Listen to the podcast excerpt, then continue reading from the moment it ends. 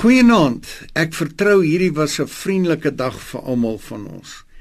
Die woord leer ons dat dit wat ons saai, ons ook sal oes. As ons enige vrug van Galasiërs 5 voortbring, meen dit dat ons gaan ook daardie selfde vrug van ander aan ons ontvang. Paulus leer ons in 1 Korintiërs 13 dat die liefde nie jaloers is nie. Daar is 'n vers in Hooglied 8 vers 6 wat vertaal kan word Dra my soos 'n seelring op die hart, soos 'n seelring op die arm, want liefde is sterk soos die dood. Jaloesie is hard soos die doderyk. Sy gloed is 'n gloed van vuur, 'n baie sterk vlam. Paulus verduidelik vir ons 'n paar dinge wat die liefde nie is nie en hy begin met jaloesie. Dit beteken hierdie dinge wat die liefde nie is nie, sal die vrug in jou lewe verhinder. Baie interessant kry ons twee begrippe van jaloesie in die woord. Die een sê dat ek wil ook hê wat jy het. Ek gee nie so seer om dat jy dit het nie, maar ek wil dit ook hê. Die ander is dat ek nie so seer self ook dit wil hê nie, maar solank jy dit net nie het nie. Jaloesie, sê Salomo, is sterk soos die dood.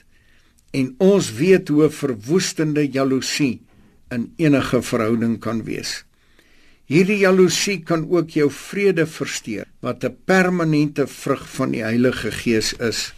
As daar vanaand gedagtes van jaloesie in jou hart is, bely dit onmiddellik en dat Jesus se liefde in jou hart heers, gesuiwer van enige vorm van jaloesie.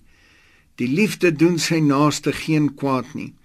Dit is dan ook so dat die eerste 3 vrugte van die Heilige Gees liefde, vreugde en vrede is. Paulus skryf van die Romeine in hoofstuk 14 vers 17 dat die koninkryk van God is nie spys en drank nie, maar geregtigheid en vrede en blydskap in die Heilige Gees. Hierdie vrug van vrede is iets so wonderlik in ons harte. Die woord sê dat God het ons tot vrede geroep. My vrede gee ek aan julle sê die Here Jesus. Niks kan 'n mens so lekker laat slaap en 'n goeie nagrus gee as wanneer die vrede van God in jou hart heers nie.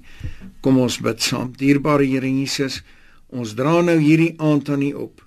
Skenk aan ons 'n goeie nagrus met ons harte gevul met U vreugde. Amen.